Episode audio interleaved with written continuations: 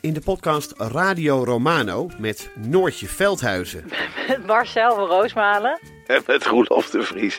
brengen we alle drie elke week een zogenaamde signalering mee. Wat heb jij nou weer bij je? En aan het eind bepalen we wie de winnaar van de week is. Echt een angstcultuur Lege huls die je er bent? Ja, dat gaat eigenlijk altijd onvriendelijk. Luister nu naar Radio Romano bij Podimo. Via podimo.nl slash Radio Romano luister je 30 dagen gratis. De strijd om de miljoenen van Siewert van Liende is losgebarsten. Zowel de staat als zijn stichting eisen de mondkapjeswinst terug.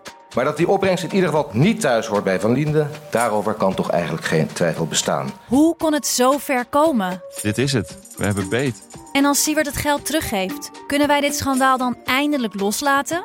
Je hoort het in de Mondkapjesmiljonairs, exclusief bij Podimo. Ga naar podimo.nl slash mondkapjes. Welkom bij Buitenlandse Zaken, een podcast van de Groene Amsterdammer. In deze podcast bespreken we internationale zaken en artikelen die in de Groene zijn verschenen. Buitenlandse Zaken verschijnt elke drie weken op groene.nl en op alle bekende podcastkanalen. Ik ben Rutger van der Roeven, buitenlandredacteur van de Groene Amsterdammer en ik maak de podcast vandaag met mederedacteur Casper Thomas, die in Limburg zit. Casper, welkom. Hoi Rutger, mooi om hier te zijn. En bij ons hier aan de Singel in Amsterdam zit onze medewerker en oud-correspondent in Parijs, Marijn Kruk. Marijn, jij ook welkom. Goedemiddag, heel fijn om hier te zijn. Met Marijn spreken we over Frankrijk en in het bijzonder over Emmanuel Macron. De Franse president is in een episch politiek gevecht gewikkeld over de verhoging van de pensioenleeftijd in Frankrijk en in zijn eigen missie om een autonome Europese geopolitiek te ontwikkelen. Deze week baarde die opzien door na een staatsbezoek aan China te waarschuwen dat Europa zijn afhankelijkheid van de VS heeft vergroot en geen vazal van de Amerikanen moet worden. Nou, en hij is eh, vandaag in Nederland om daar verder over te praten. In onze rubriek Historische Woorden bespreken Casper en ik woorden van de Estse premier Kaja Kallas, die in haar reactie op een daverende verkiezingoverwinning meteen duidelijk maakte waar ze die overwinning aan te danken had. Aan de manier namelijk waarop ze leiderschap heeft getoond, zowel in eigen land als in Europa, in reactie op Ruslands invasie van Oekraïne. En Casper en ik gaan het hebben over het vooruitzicht dat de volgende verkiezingen in het belangrijkste land van de wereld, de Verenigde Staten, uit lijken te draaien op een referendum over Donald Trumps dreigende en lopende rechtszaken. Vorige week verscheen de oud-president voor het eerst sinds zijn aftreden voor de rechter en dat zal niet de laatste keer en niet in de enige rechtszaak zijn. Wat betekent dat voor de verkiezingen en is dit geen politiek gebruik van de rechtsgang? Maar eerst dus Frankrijk. De Franse president Emmanuel Macron heeft zijn ogen strak gericht op eeuwige roem als de man die Frankrijk wist te hervormen en Europa weer autonomie wist te geven. Maar hij wordt steeds maar door die weerbarstige werkelijkheid gehinderd. Deze week is hij in Nederland en laten we daar maar mee beginnen. Wij nemen dit op op maandag. Morgen, op dinsdag, begint hij dus aan zijn staatsbezoek. Ehm, Marijn, wat komt Macron hier doen? En is dit belangrijker dan de banden met een medium belangrijk land warm houden? Nou ja, het is op zich heel bijzonder dat eh, Macron hier is. Hè. Dus het is echt een officieel staatsbezoek. Hè. Dus hij was hier anderhalve maand geleden ook. Eh, want hij kan het erg goed vinden met Mark Rutte. Eh, maar dat is dan een officieel bezoek. Dus ze gingen toen naar het befaamde Indonesische restaurant van Mark Rutte. Waar ze voor 38 euro hebben gegeten. Nu is dat anders, want er is vanavond een staatsbanket op het Paleis op de Dam. En eh, het laatste staatsbezoek van een Franse, hè, van de Franse president, die dus ook staatshoofd is, hè, eh, maar anders dan Rutte in Nederland, eh, was dat in 2000 met, met Chirac. En kijk, over het belang ervan, ja, zeg maar Nederland is gewoon belangrijker geworden door de brexit. Zo simpel is het. Dus ik, ik denk dat het aan de ene kant het is het een bekroning van de goede band met Rutte. Want er zijn al meerdere ontmoetingen geweest. Macron is vaker ook in Nederland geweest. En het is ook gewoon de erkenning van de nieuwe machtsverhoudingen in Europa. Ja, dan heb je het ook trouwens over Duitsland. Want ehm, Macron ging altijd natuurlijk op en, weer- op en neer naar Berlijn. Maar dat is een beetje een onduidelijke relatie geworden. Ja, dat is allemaal wat stroever geworden. Hij was, eh, nou ja, de Frans-Duitse as is natuurlijk ontzettend belangrijk altijd. Hoewel die natuurlijk ook in een ander licht is komen te staan door de uitbreiding van de Europese Unie naar het oosten. Eh, en met Merkel was die band heel goed.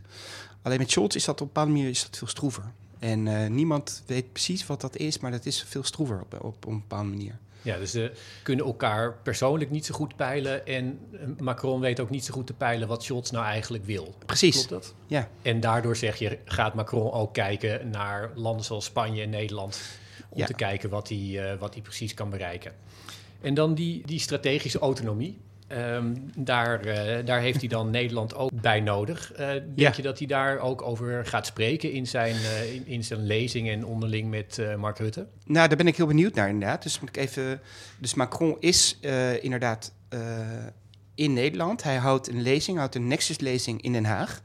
Eh, die als thema heeft de toekomst van Europa. En ja, we moeten natuurlijk afwachten wat hij daar precies gaat zeggen. Maar ik denk dat het een soort voortbouwen is op, eh, op een beroemde reden die hij heeft gegeven in 2017.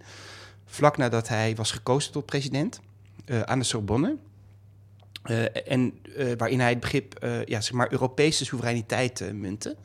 En ja, en eigenlijk als hij daar nu heeft over Europese strategische autonomie, dan is dat eigenlijk een soort van variatie eh, op dat thema. Dus eh, het idee is dus dat, nou, dat, dat Europa zich als een soort derde macht zou moeten positioneren tussen China en de Verenigde Staten. Wat op zich natuurlijk een heel goed idee is, lijkt mij toch in deze Ja, je- geopolitieke constellatie die er is. Ik wil er wel heel even op inhaken, want als, als Macron dus eigenlijk al, al, al, al ruim zes jaar eh, met, met dit thema staat te zwaaien, hoe, hoe vinden we dan eigenlijk dat het ermee gaat met die strategische autonomie van Europa? Is het, is het, is het een holle frase of zien we ook daadwerkelijk dat er sinds dat, dat thema om, voor een belangrijk land in Europa geïntroduceerd is, ook echt stappen zijn gezet richting die positie? Nou, het is. eh, kijk, het moeilijke is dat. eh, dat Macron die lanceerde dit begrip op het moment dat Merkel eigenlijk eh, al een soort van naar de uitweg eh, was. En eh, dit kan Macron natuurlijk niet alleen doen. Daarvoor heeft hij ook zijn Europese partners nodig.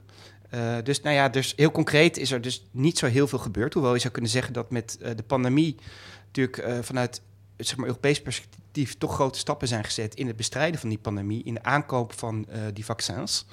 Eh, alleen, eh, ja, maar, geopolitiek heeft Europa zich nog niet heel erg gemanifesteerd als een soort van entiteit. En dat zien we natuurlijk ook heel erg met eh, ja, gewoon het conflict in Oekraïne. Waarin Europa dus inderdaad, dat wat we in meerdere stukken hebben vastgesteld, ook de laatste tijd vo- volledig op de, op de lijn Amerika zit. Dus dat, doet bij mij af en toe een beetje de vraag opwerpen, maar misschien zit ik ernaast dat, dat, dat, die strategische autonomie toch een soort Frans ijdelheidsproject is, als het ware. Of een soort, een soort hobby van Macron die die, die, die uitoefent, maar eigenlijk, ja, wat ik zeg, toch, toch niet zo heel veel vermag.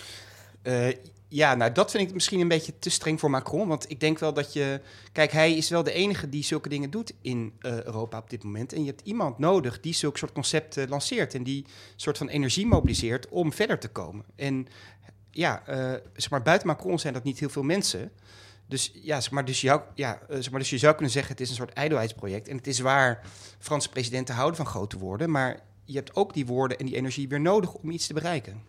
Ja, het is, wel interessant trouwens dat hij dat soms op niet zulke handige momenten weet te brengen. Dus hij, hij brengt dat nu in de nasleep van een jaar oorlog in Oekraïne. En eigenlijk schitterde Frankrijk daar toch een beetje door afwezigheid. Hij zei een paar keer dat we toch wel niet moeten vergeten dat eh, Poetin zonder gezichtsverlies eruit moet komen. Dat, dat Rusland veiligheidsgaranties nodig heeft. Deed vervolgens heel weinig aan het steunen van Oekraïne op, op militair vlak. Of althans, eh, een stuk minder dan, eh, dan een land van die statuur met zo'n leger zou, zou kunnen. En deze week, dus afgelopen weekend, begon hij weer over strategische autonomie. Op de terugweg uit eh, China, waar hij vier uur had gepraat met eh, Xi Jinping. En zei hij daar dingen eh, waar die eigenlijk ja, pijnlijk, pijnlijk goed in het straatje van China passen over, over Taiwan. Hij, hij was er eerst met von der Leyen had hij Xi gesproken, maar daarna alleen. En hij zei dus onder andere dat we Taiwan toch niet kunnen helpen als China er binnenvalt. En dus ook niet dingen moeten doen die de spanning daar aanwakkeren. Ja, dat is natuurlijk.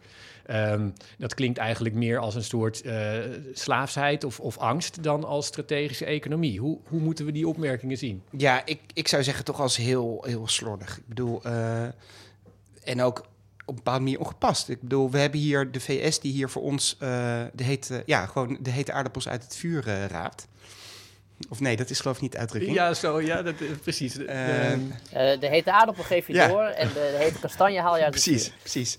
Hè, dus we hebben hier eh, de VS die de hete kastanjes uit het vuur haalt, eh, zeg maar wat betreft Oekraïne. Laten we eh, zeg maar wel wezen, de, de, nou ja, de strijd in Oekraïne door de Oekraïners wordt voor een groot deel gefinancierd en bewapend door de Amerikanen en niet door de Europeanen. Ja, de Polen en zeker niet en door de en Fransen. Britten, ja. Dus om dan op dat moment al een soort voorschot eh, zeg maar, te gaan nemen, want daar liet hij het eigenlijk niet bij. Hij zei ook van, we moeten Amerika niet volgen, want dat zou leiden tot een soort Chinese overreactie.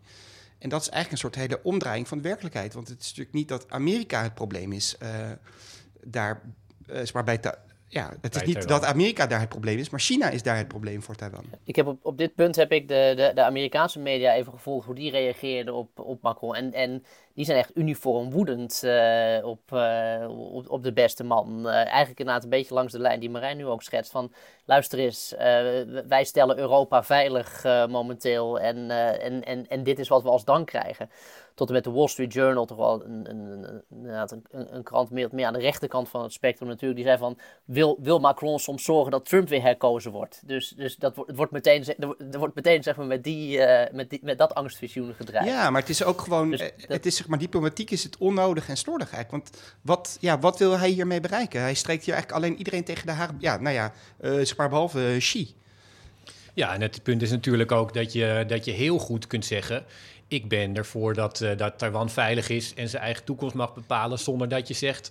En als China het niet vindt, stuur ik een vliegdekschip. Ik bedoel, je mag daar best gewoon steun voor uitspreken namens Europa en namens je eigen land. Nou, en dat geldt eigenlijk een beetje voor het hele staatsbezoek in, uh, in China. Ik zag ook uh, vanochtend Raphaël Glucksmann, dat is een Franse politicus en eurodeputé, op Twitter zeggen van, kijk. Um, het is prima om naar China te gaan en je moet zeker met Xi praten, maar het blijft een heel repressief regime. Uh, het is niet voor niks dat Ursula von der Leyen heeft zich daar nog extra veel tegen uitgesproken. Uh, dus je hoeft dan niet, uh, ja, dus je hoeft niet zo innig met uh, Xi te zijn als Macron uh, geweest is. Uh, nou ja, en Macron ging natuurlijk ook met een soort, met een soort wens. Hij hoopte ook dat hij, dat hij de Chinezen zover zou kon krijgen om zich op te werpen als, om, om het, de oorlog in Oekraïne de, de, juiste kant op te duwen. Dus dat, en dat, dat, ja, daar kreeg hij gewoon nul op het request, dat was duidelijk. Ja. En toen dacht ik wel, ja, kijk, Macron heeft maar één overwinning nodig om, om, te, om zijn gelijk te bewijzen, bij wijze van spreken. Als hij, als hij de Chinezen wel zover had gekregen, dan hadden we hier nu gezeten. Dat was echt, wat een briljante strategie die Macron toch. Uh, hij krijgt het toch maar weer mooi voor elkaar, uh, weet je. Dus het is, het is ook wel een beetje, uh, laten we zeggen, het, het, het, is, het, is, niet goed of het deugt niet. Oké, okay, dus jij neemt het hier weer een beetje voor Macron op eigenlijk, Casper.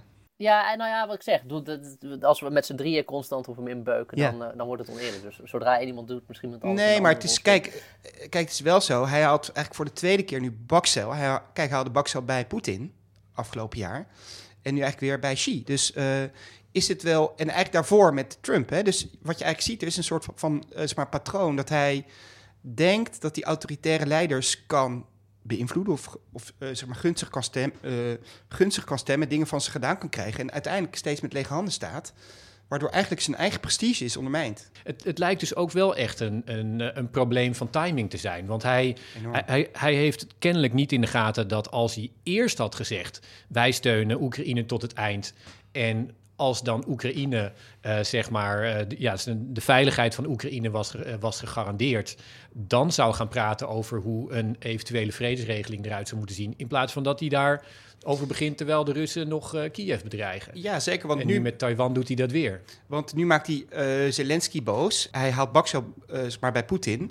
Maar de werkelijkheid verandert helemaal niet. Hè? Dus het is dezelfde werkelijkheid. Dus waarom inderdaad, nou ja, exact wat je zegt. Waarom formuleert hij dat niet gewoon anders? Ja, en hij zegt dus nu, uh, China die simuleert een invasie van, uh, van Taiwan uit, um, uit het oosten. Dus omsingelt dat hele eiland in de simulatie, omdat een, uh, een Taiwanese politicus op, op bezoek was geweest in de VS. En dan, terwijl, die, terwijl het aan de gang is, zegt Macron van ja, we moeten eh, China niet enzovoort. Ik bedoel, dat is toch gewoon, ja, zou je zeggen, slecht politiek gevoel. Nou ja, zeker. En ook eigenlijk wel, want uh, er was zo'n best ge geruchtmatig uh, interview met Macron uh, op de website van Politico. waarin dan ook een medewerker van Macron zegt van, nou ja, we zijn blij dat ze zijn begonnen, dat die Chinezen die oefeningen zijn begonnen, dus nadat we weg waren. Want stel je voor als, ja, ja. nou ja, hij... Toen we nog uit het, uit het Chinese luchtruim waren, precies, zeg maar. Precies, precies. Dus dat illustreert een beetje toch uh, hoe die verhoudingen daar een beetje liggen. En uh, toch een, ja, bepaalde mate van onderdanigheid die je volgens mij helemaal niet hoeft te tonen. Dus nou ja, goed, als we, als we zeg maar het blokje buitenlands beleid kunnen af, afronden, dan um, ja, is hij wel degene die, die de hele tijd staat voor Europese autonomie. Maar zijn we denk ik hier toch over eens dat hij dat niet op een hele slimme manier doet. Um, als we dan naar die binnenlandse politiek kunnen gaan. Ja, hij is in een, um, uh, in een episch gevecht bezig uh, om de Franse pensioenleeftijd te verhogen. Um, ik ja, ik, ik kan me zeg maar meen me te herinneren dat sinds de jaren tachtig of zo elke Franse president dat probeert en elke keer weer bakzeil moet halen. Um, Macron die, die leek in een hele goede positie, maar uh, dat werd steeds moeilijker. En um, uh, nu lijkt het toch ook alsof hij uh, ja, zeg maar tot, tot stilstand is, is gedwongen door binnenlandse protesten en, en politieke wegkruimelen van zijn steun. Um, hij heeft tot een ja, zeg maar twijfelachtige parlementaire manier moeten, moeten reiken om die wet er doorheen te krijgen. Wat zegt dit traject over ja, de toekomst van zijn uh, presidentschap, denk je, en um, uh, de Franse politieke klimaat? Nou ja, daar is natuurlijk veel over te doen. Kijk, uh, wat je nu ziet is een oude Franse traditie waarin eigenlijk de, de, de executieve, dus de, de, de uitvoerende macht, zeg maar, tegenover de straat komt te staan. En waarbij eigenlijk, zeg maar, intermediaire ja, organen er eigenlijk niet echt aan te pas komen. En dat is op zich iets wat heel ver teruggaat, wat eigenlijk, zeg maar, ja, zeg maar tot de Franse revolutie teruggaat. En dat speelt ook nou, steeds weer op. En dat heeft, nou ja, zou ook wel kunnen herleiden tot, tot het functioneren van de huidige Franse Republiek, dus het huidige regime. Dit laat zien dat Macron het gewoon heel moeilijk gaat krijgen. de komende, nou ja, zeg maar de resterende vier jaar van zijn presidentschap. Uh, dit was iets wat hij eigenlijk al uh, in zijn eerste termijn wilde doen, maar dat liep stuk op de corona-maatregelen en pandemie. nu heeft hij hier alles op ingezet, maar hij heeft eigenlijk ook al zijn politieke ja, gewoon al zijn politieke credits eigenlijk al verspeeld hiermee. Uh, iets heel belangrijks. Je hebt een gematigde vakbond, de CFDT. Die, ja, die is hij kwijt. Die heeft hij verloren. Die, uh, ja, ne, uh, zeg maar, die heeft zich bij de meer radicalere vakbonden geschaard. ja, en dan doe je toch echt iets niet goed.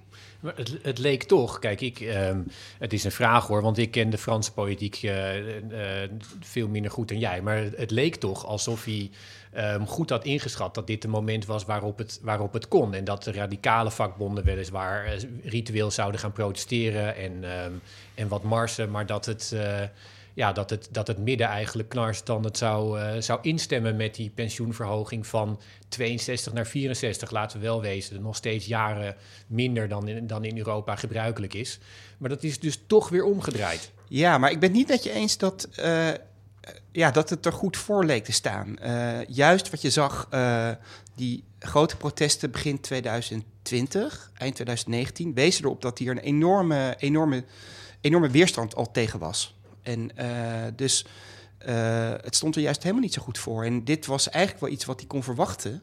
En ik denk beter op had moeten anticiperen door gewoon nog meer onderhandelingsruimte te houden. Hè? Want hij wilde beginnen eigenlijk op 65. Dat heeft hij al heel snel ingeleverd, nog voor de kerst. Ja, dat had hij beter nu nog kunnen bewaren, in zekere zin. En dus... zeg jij eigenlijk, als hij um, dit verliest, als hij het weer in moet trekken, dan is hij eigenlijk voor de komende vier jaar ook klaar met andere projecten? Nou, kijk, hij zal dit niet intrekken. Hè? Ik bedoel, het is uh, door het parlement. Uh, het gaat nu verder naar de, naar de Cour constitutionnel. Uh, dit, dit komt er gewoon. Ik zie niet dat hij dit zou moeten gaan intrekken. Maar dit gaat wel zijn politieke bewegingsvrijheid enorm uh, verkleinen om bij volgende grote hervormingen. Er moet ook uh, nou, gewoon het zorgsysteem moet worden hervormd, het onderwijssysteem moet worden hervormd. En er moet van alles eigenlijk gebeuren in Frankrijk. En hij is gewoon heel kwetsbaar geworden hierdoor. En uh, voor het macronisme, zeg maar, als we dat even zo mogen noemen, een centristische beweging voorbij de politieke partij, zoals hij dat, dat had geconcipieerd, zo, zo, hoe hij dat voor zich zag. Wat, wat gaat het betekenen voor de volgende presidentsverkiezingen, denk je? Nou ja, dat loopt natuurlijk erg tegen zijn grenzen aan. En kijk, en daar komen we weer een beetje te spreken over die Vijfde Republiek, waarin dus die Franse president zo enorm machtig is. Hè. Dat is uh, in 58 is dat uh, inderdaad uh, maar bedacht door Charles de Gaulle. Kijk, die wilde een soort van monarchale republiek. Hè. Die dacht van, hè, de Fransen hebben in een onderbewuste verlangen die altijd naar een koning, die ze onthoofd hebben in de Franse Revolutie. En we geven dus een soort van almachtige president, want dat komt eigenlijk zeg maar tegemoet aan de nou ja, diepe verlangen. Ja, precies. Aan het diepe, onuitgesproken verlangen van veel Fransen. Wat misschien ook zo is. Maar het plaatst heel erg, uh, dus de straat eigenlijk altijd zeg maar, tegen de, ja, de executieve macht. Omdat die Franse president zoveel macht heeft. Waardoor eigenlijk uh, de Fransen en de president elkaar een soort van in gijzeling houden. Want het schept ook enorme verwachtingen waar de president eigenlijk nooit aan kan voldoen. Uh, wat eigenlijk al, ja, al na één jaar tot enorme teleurstelling leidt. En dat zie je dat eigenlijk elke gekozen, elke gekozen Franse president is na één jaar eigenlijk bijna al zijn populariteit over kwijt. En als we even een soort, soort bruggetje maken tussen het eerste deel van onze podcast en nu dit, dit, dit tweede deel. In, in, vraag me in, in hoeverre is het voor die Franse kiezer belangrijk hoe, hoe goed Macron het doet op het internationale toneel? Is dat, is dat, is dat zeg maar iets wat bijvoorbeeld de Amerikaanse kiezer, die, die hecht daar best zwaar aan, uh, weet, ik, weet ik in de regel. Hoe, hoe, hoe zit dat in het Franse geval? Is dat, bepaalt je buitenlands beleid je, je verkiezingsuitslag heel erg of maakt dat eigenlijk niet zoveel uit? volgens mij maakt het niet zoveel uit. Ik, ik, ik, uh, ik vind het zelf moeilijk om te zien, omdat ik... Uh, ja, kijk, ik ben zelf op het buitenland gericht, dus ik... Uh, dus mij kan dat wel bekoren, zeg maar. Als, zeg maar ja, gewoon zodra Macron het goed doet. Maar ik merk altijd dat wat ik zie toch niet echt representatief is voor wat veel Fransen vinden. En die hechten toch vaak aan hun koopkracht. Of die zien toch in Macron een, ja, dus een, ja, dus een bankier die aan de verkeerde kant van de geschiedenis staat. zeg maar. Dus dat, dat, dus wel heel even, ja, er zijn wel momenten geweest hoor trouwens. Ik kan me herinneren dat uh, toen met Sarkozy in die inval in Libië, dat was aanvankelijk heel populair. Uh, of die Franse interventie in uh, Mali was in het begin ook populair. Dat, dat er dan even zo'n krachtdadige president optreedt. Maar dat is toch vaak van heel korte duur. En als jij zegt dat, dat Macron zijn, zijn andere grote projecten ja, misschien zal moeten, zal moeten bijstellen of afstellen zelfs als, ehm, als deze onvrede zo hoog blijft. Welke grote dingen verdwijnen daar dan mee in de kast? Nou ja, wat ik zei, hè, dus uh, er is op zich nog best een ambitieuze agenda. Dus uh, wat je in Frankrijk ziet, is dat eigenlijk alle grote publieke voorzieningen enorm achterlopen. Ziekenhuizen zijn allemaal heel slechte staat. scholen zijn allemaal, ja, er moet ontzettend veel gebeuren. Waarvoor die steun weer nodig heeft van, nou ja, dus de mensen die het betreft, van de vakbonden.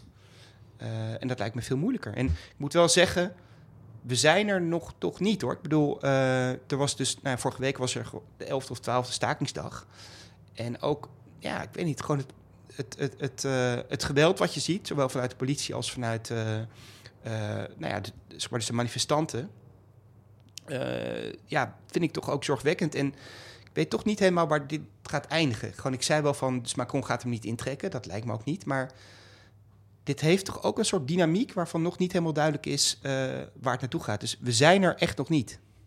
Ik heb wel gelezen over, uh, over Macron dat hij dat, dat lelijker en gewelddadiger en naarder worden van het verzet tegen hem uh, eigenlijk gebruikte in het geval van de gele hesjes. Dat hij, um, dat hij eigenlijk de dynamiek zag richting radicalisering van de straat. En dat hij dat liet gebeuren omdat hij daarmee ook erop rekende dat het, ja, het zwijgende midden daar toch uh, afstand zou, uh, van zou gaan nemen. Lijkt het jou alsof dat iets is wat hij nu ook, um, ook weer kan doen? Nou, dat zou kunnen. Hè. Zeg maar, dus je doelt op de gele hesjes uh, van 2018. Waar inderdaad al snel sprake was van een geradicaliseerde harde kern, die dus inderdaad nou ja, heel gewelddadig was, heel veel vandalisme ook pleegde in Parijs. En waar de gele waren aanvankelijk, nou, 65 tot 70 procent van de Fransen stond daarachter. En dus naarmate dat gewelddadiger werd, nam die steun af. En dat stelde eigenlijk dus Macron en de regering in staat om dus wat er over was van die beweging aan de kant te schuiven ja, je zou kunnen, het zou kunnen zijn dat uh, Macron hier nu ook op speculeert. Het is natuurlijk een heel cynische, heel cynische speculatie. Moet blijken. Ja, nou Marijn, heel erg bedankt voor je komst. Graag gedaan.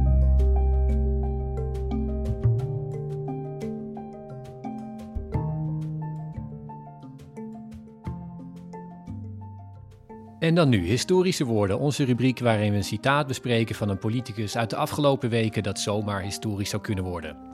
Deze week luisteren we naar Kaja Kallas, de premier van Estland. Ze heeft zojuist een overweldigende verkiezingsoverwinning geboekt en zei daar het volgende over. We have to uh, uh do uh, major reforms regarding uh, green transition, for example, but we also have to invest in our security. Our aggressive neighbor has not vanished and will not vanish.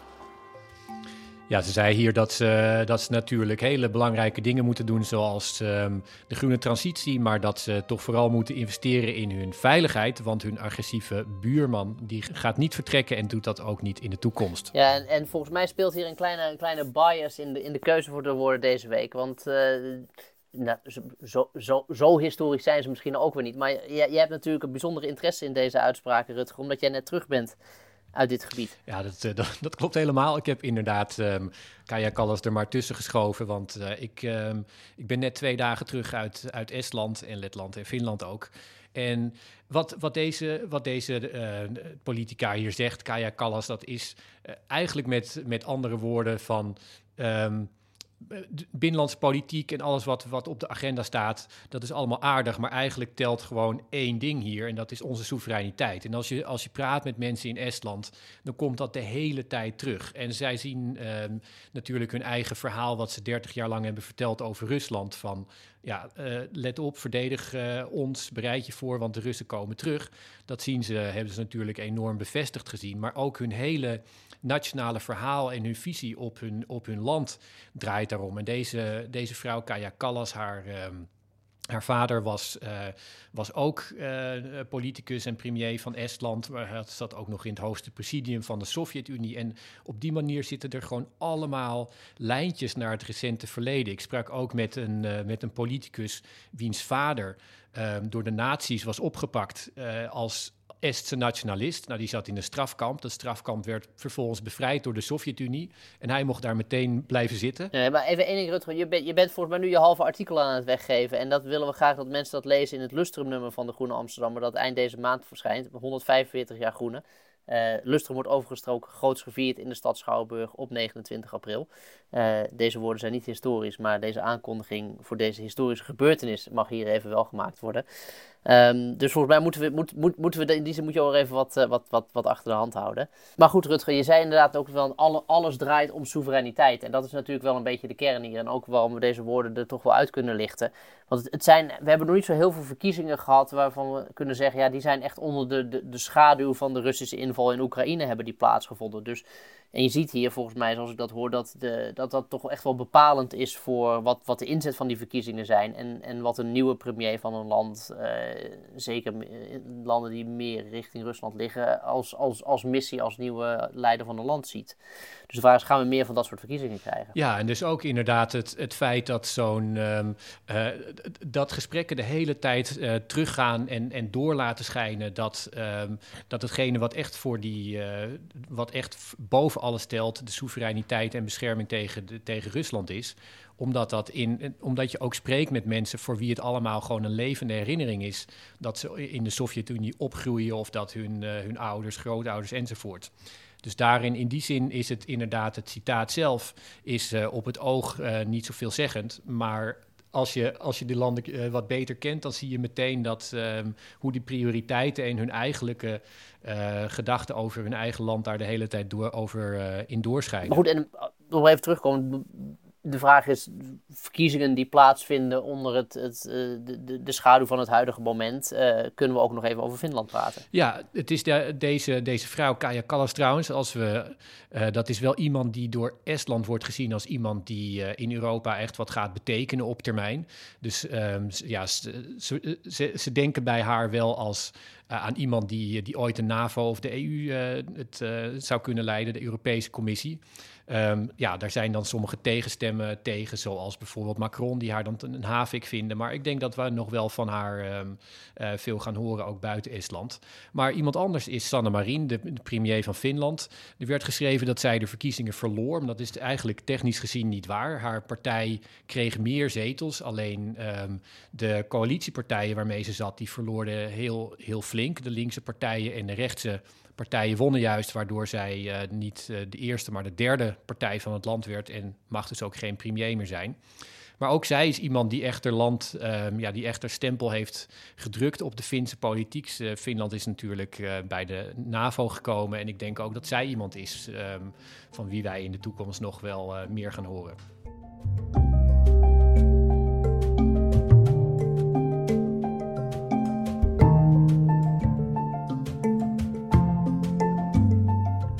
En dan nu, de case against Donald Trump. Over de voormalige president werd jarenlang gezegd dat er een hele reeks rechtszaken boven zijn hoofd hing.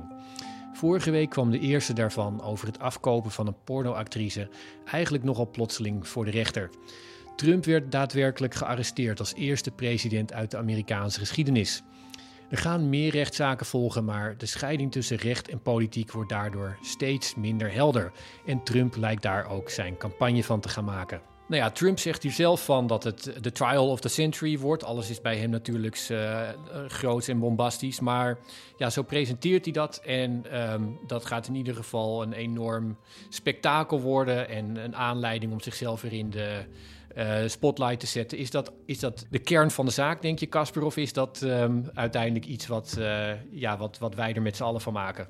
Nou, of, of, of dit de trial of the century wordt, dat, dat valt nog te bezien. Het is op, de zaak op zichzelf is, is, is niet de meest zwaarwegende. Het, het doen van, een, van het betalen van zwijggeld aan iemand met wie je een affaire hebt gehad. Daarbij is de zaak juridisch gezien heel ingewikkeld, omdat er verschillende niveaus van wetgeving als het ware in elkaar moeten grijpen. Um, maar goed, Trump maakt dat er natuurlijk wel van. En, en dan is altijd weer de vraag bij, bij dingen. Zeg maar dingen die Trump dwars zitten, uh, maken hem ook altijd groter. En dat zag je ook. Ik, ik ben nog steeds keurig geabonneerd op alle, alle Trump-mailings. Uh, ik heb de afgelopen weken uh, mokken kunnen kopen met, over de rechtszaak van Trump, t-shirts, et cetera. Dus hij heeft er een enorme fundraising aan, aan verbonden. Dus op een bepaalde manier, wat ik zeg, Trump is, is zo'n figuur dat, dat, dat alles wat hem, de, echt de ouderwetse wet van toepassing, alles wat hem niet doodt, en dat bedoel ik even in politieke zin, voordat mensen daar rare gedachten bij krijgen, uh, maakt hem sterker. En daar, daar is dit, uh, denk ik, tot nu toe in ieder geval nog wel een, uh, een, een, een duidelijk voorbeeld van. Ja, je citeerde daar Iggy Pop, uh, zal ik trouwens even in herinnering roepen. Maar um, ja, de fundraising is natuurlijk toch wel iets heel anders dan, dan uh, wat veel belangrijker is. Namelijk, wat gaat dit voor hem doen bij de, bij de volgende verkiezingen? Uh, dit is een, um, je zei, dit is niet zo'n zo'n heel belangrijk proces, de, deze, of althans gerelateerd aan andere die die, die die ook nog op zijn bord heeft liggen. Maar um, dat een president een oud-president wordt aangeklaagd voor een strafbaar feit en dat hij zich dan ook nog eens verkiezings, uh, verkiesbaar gaat stellen als president, dat is natuurlijk ongekend. Ja, kijk, dat, uh, dat, dat, dat, dat, klopt. En, en het hek is hiermee natuurlijk wel van de dam. En uh, dat, dat zag je al een beetje als je, als je een beetje weer terugkijkt. Omdat Trump verschillende impeachments aan zijn, aan zijn broek heeft gekregen om over allerlei onderwerpen. Maar, de inzet van de vorige verkiezingen was al, alles wat de Trump is aangedaan uh, tijdens zijn presidentschap door de Democraten, onderzoeken, de impeachmentprocedure, dat, dat gaan we terug doen. Een soort, uh, ja, gewoon een soort terugpakmentaliteit. En je zou kunnen vrezen, en dat, dat doe ik dus ook wel een beetje, dat dit, dat dit een, het startschot is van het idee dat er ook na die presidentschappen, dus buiten de politiek, altijd gezegd wordt, we, we gaan voor vervolging. Of, en, en dus dat, ik, ik zie een scenario voor me waarin de belofte uh, dat, dat straks Biden voor het gerecht wordt gedaagd, uh, dat dat de, een, een verkiezingsbelofte van Trump gaat worden. Uh, want ze hebben, mij, ze hebben mij immers ook vervolgd. En het wordt allemaal op één hoop gegooid natuurlijk. Kijk, het, het, onderscheid tussen, tussen politiek en recht, dat bestaat in de ogen van Trump eigenlijk niet. Alles wat, wat, wat juridisch is, is volgens hem ook politiek. Uh, en, en dat circus is hiermee eigenlijk gewoon wel helemaal compleet. Dus wat ik zei, in die, in, in die zin kun je je afvragen of uh, de aanklager van Trump, die, achter, die ook al heel lang bezig is met deze zaak. En dan is altijd weer de vraag, waarom is nou precies dit moment gekozen? Is het, is het hiermee dan, is het, is het, is het hiermee rond? Um, of die uiteindelijk de Amerikaanse democratie niet meer, meer kwaad dan goed zal doen. Ja, en maar ook afgezien daarvan, ik vind het ook echt wel een, een, een, een hele, ja, moeilijke stap om uh, eigenlijk. Want ik, dit geeft mij ook het gevoel dat dit niet een, een eerlijk proces is en dat het een, een politiek proces is. Die man, uh, Elvin Bragg, zijn aanklager, die is gekozen als democraat. Uh, die zei in zijn campagne zei die, dat hij dat hij meer dan 100 feiten of zoiets had um, in een rechtszaal aan naar Donald Trump had. cases had, had gebracht. Dus dat, dat vond hij ook een wapenfeit. En hij, wordt dan, hij, hij klaagt dan nu Trump aan omdat hij een betaling voor zwijgeld op een, uh, zou hebben gedaan op een manier die financieel niet in de haak is. Nou, ik, ik geloof onmiddellijk dat dat financieel niet in de haak is.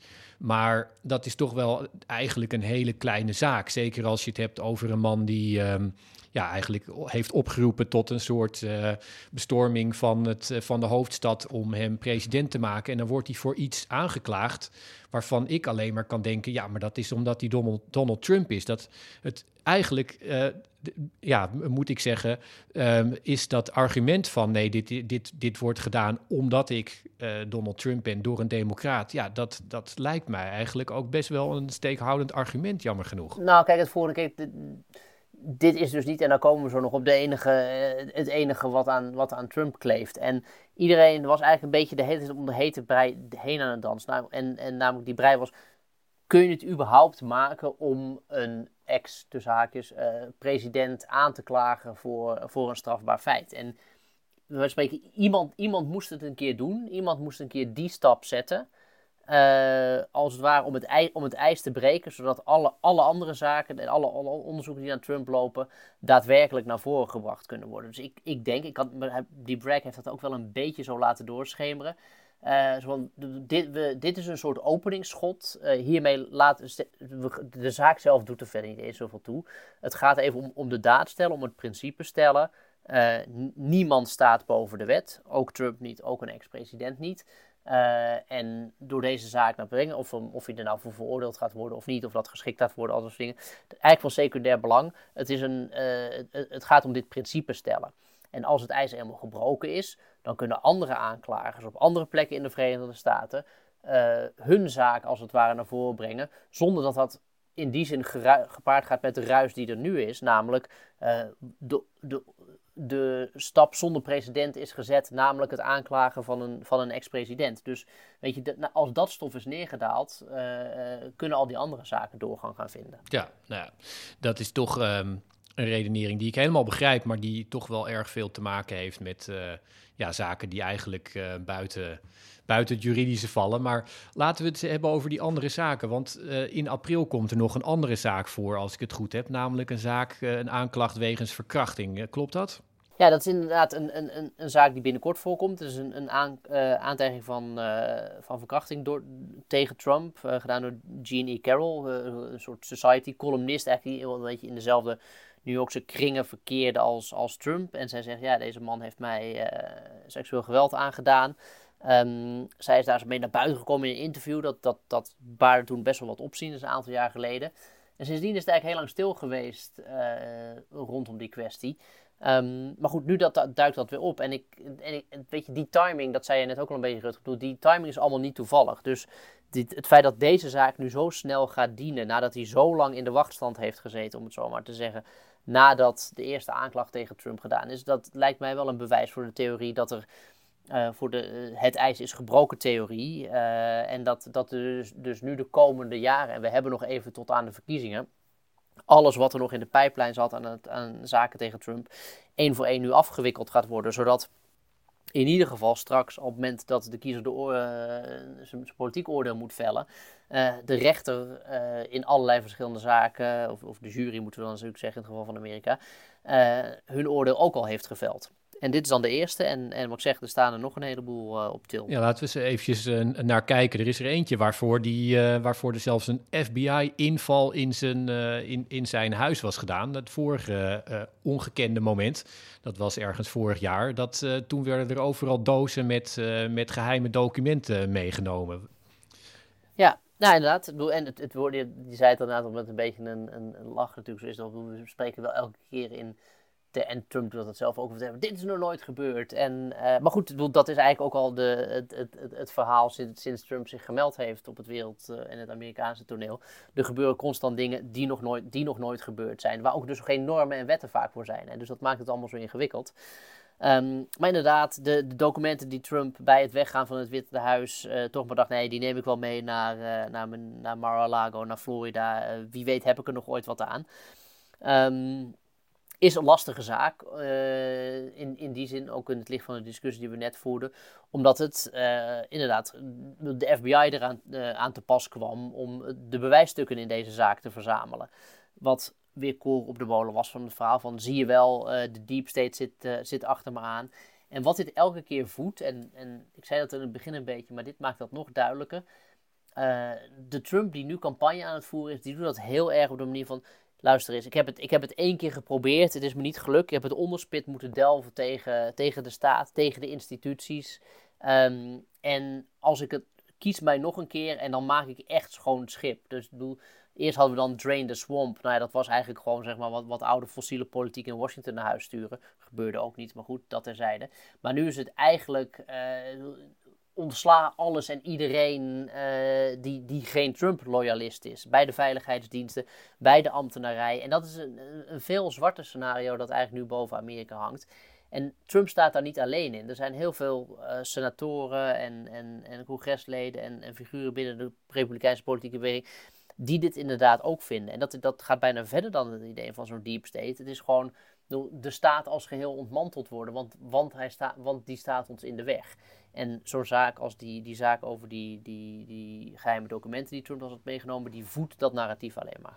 Ja, trouwens eventjes een linkje naar ons eerste gesprek. Een van de dingen die hij meegenomen zou hebben, maar dat is dus niet bewezen, maar de, ik, ik, heb wel gelezen dat hij onder andere documenten had meegenomen over affaires van Macron, zoals die, zodat hij hem ooit nog misschien zou kunnen um, chanteren. Maar goed, dat is allemaal uh, onbewezen roddels, maar um, wel een hele sappige. Uh, hij moet ook nog voorkomen omdat hij in Georgia zou hebben geprobeerd om um, kiesmannen te, te, vinden. Dat is de volgende, dat hij daar aan verkiezingsinmenging heeft gedaan. Wat, ja. wat zie jij daarvan komen? En, nou ja, ook wat, en hier had ook weer, wanneer deed hij dat? Dat was bij de vorige, na, na de uitslag van de vorige presidentsverkiezingen. Uh, dus dan hebben we het dus over, over 2020. We zijn alweer, uh, we zijn alweer 2023.